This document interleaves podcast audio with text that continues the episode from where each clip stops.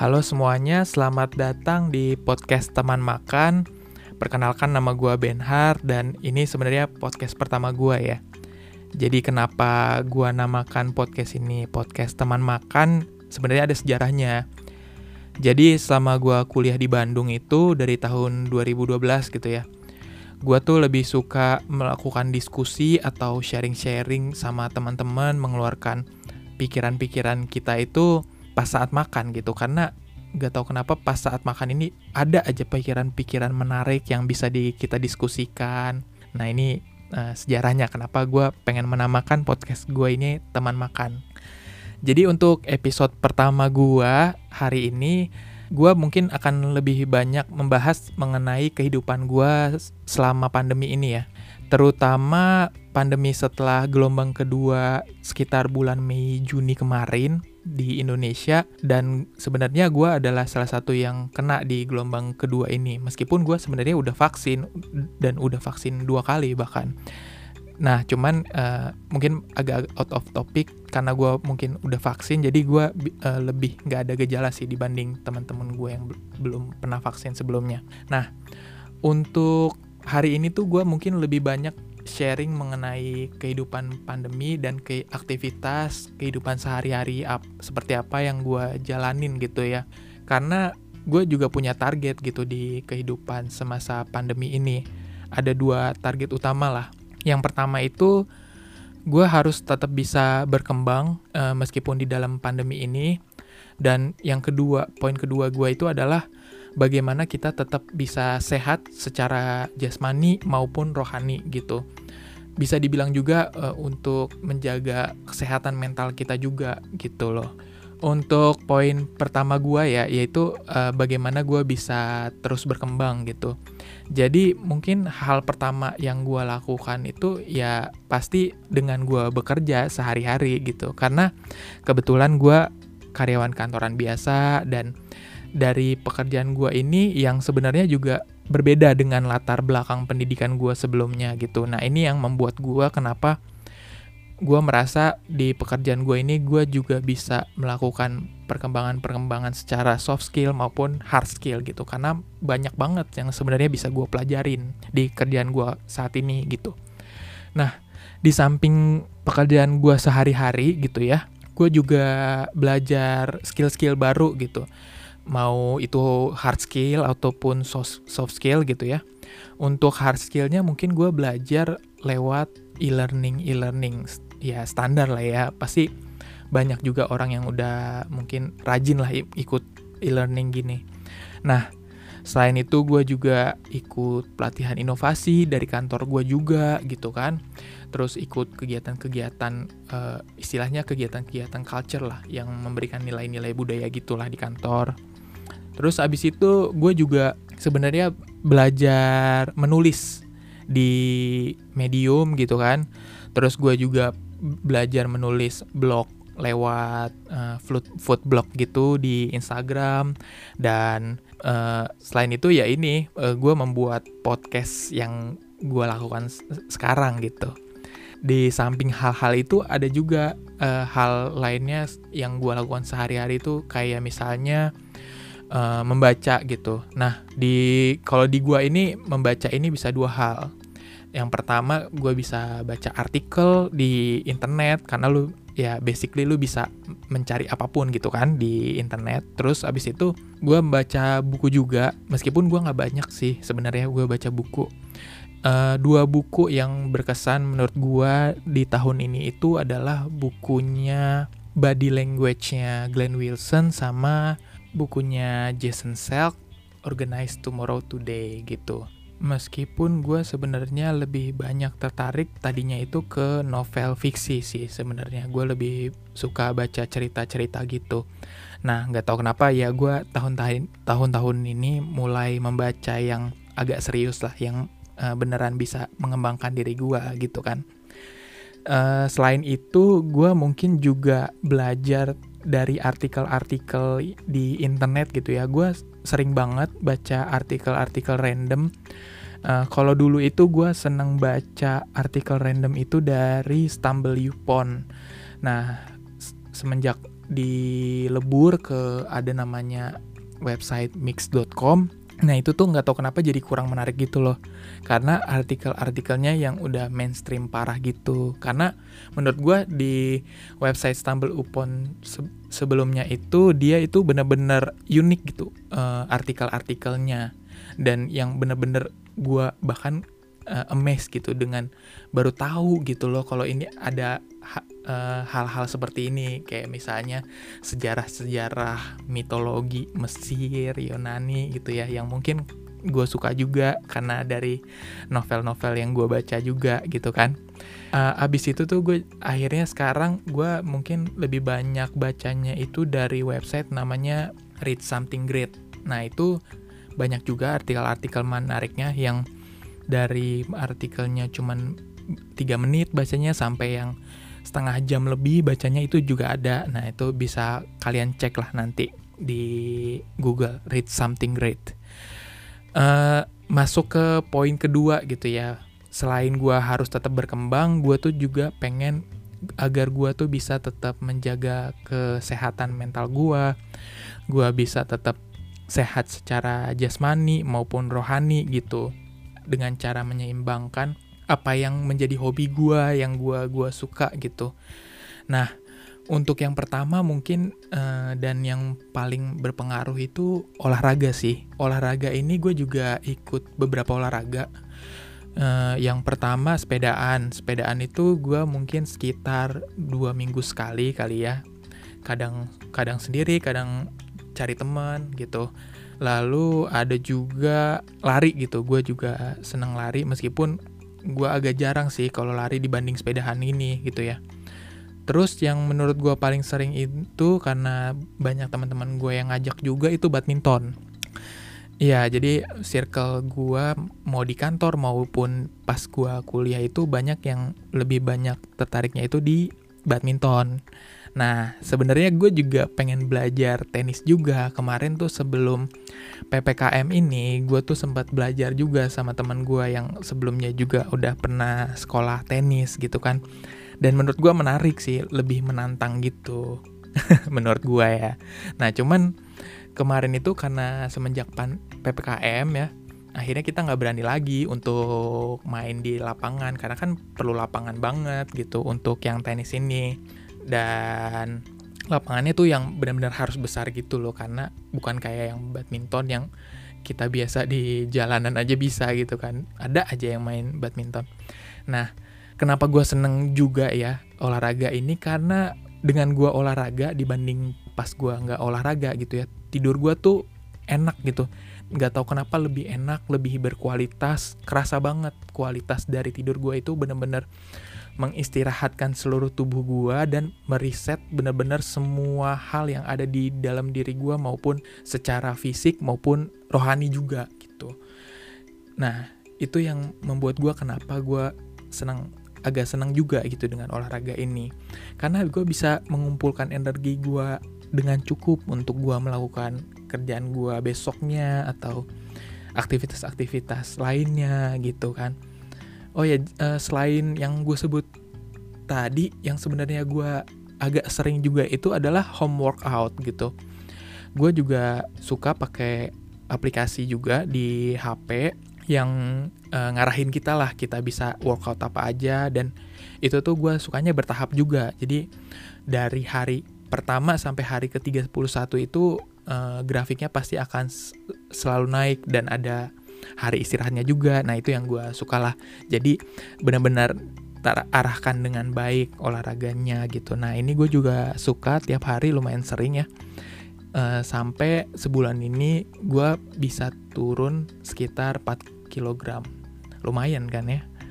Selain olahraga gitu ya gue juga senang banget explore makanan mungkin agak kontradiktif gitu kan dengan olahraga yang gue lakukan gitu ya. Cuman gimana ya, menurut gue tuh salah satu yang bisa menjaga mental kita juga tuh dari makanan-makanan ini sih. Uh, yang penting tuh kita bisa mengontrol lah, menjaga makanan-makanan kita itu agar nggak berlebihan gitu ya kan. Ya cara salah satu menyimbanginya ya dengan olahraga ini gitu ya kan. Nah untuk explore makanan ini kenapa gue bisa uh, mulai tertarik lagi ekspor makanan? Karena waktu gue sekitar bulan Juni di mana gue kena juga dari keluarga gue dari nyokap gue nah uh, kita itu tuh banyak banget mesen makanan yang belum pernah kita makan sebelumnya. Kayak sebenarnya nih ya nyokap bokap gue itu bukan orang yang seneng banget uh, pesan makanan online apalagi makan dari luar lah kecuali makannya uh, makan BPK gitu. Nah tiba-tiba tuh karena kena ini terus kayak kalau kata nyokap gue iya sih kita harus nyoba sih makanan-makanan baru biar kita bisa mungkin meningkatkan imun kita gitu kalau kata nyokap gue gitu kan. Nah pas kita coba ya beneran kita tuh malah tertarik gitu malah makin tertarik dengan makanan-makanan yang beda-beda gitu kan uh, tiap hari. Dan gak tahu kenapa menurut gue itu lumayan berpengaruh juga untuk meningkatkan imun terutama untuk bokap nyokap gue gitu kan yang lumayan bergejala lah dibandingkan gue gitu.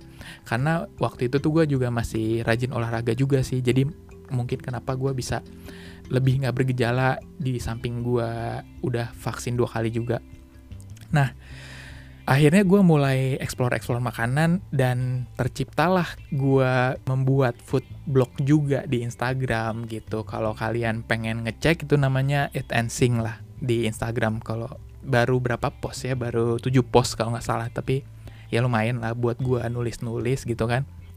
Kalau lagi senggang gitu atau uh, jadi ada motivasi untuk mencoba makanan-makanan baru juga gitu. Nah, setelah, setelah itu di samping makanan juga sebenarnya gue juga masih main game sama teman-teman meskipun ya nggak bisa tiap hari juga gitu karena ya kan gue juga ada kerjaan Senin sampai Jumat gitu kan nah kenapa gue menurut gue ini membantu juga menjaga kesehatan mental gue pertama karena menyenangkan sih ya kan? Fun juga gitu uh, untuk main game sama teman-teman gitu kan. Karena gue emang basically gue juga suka main game.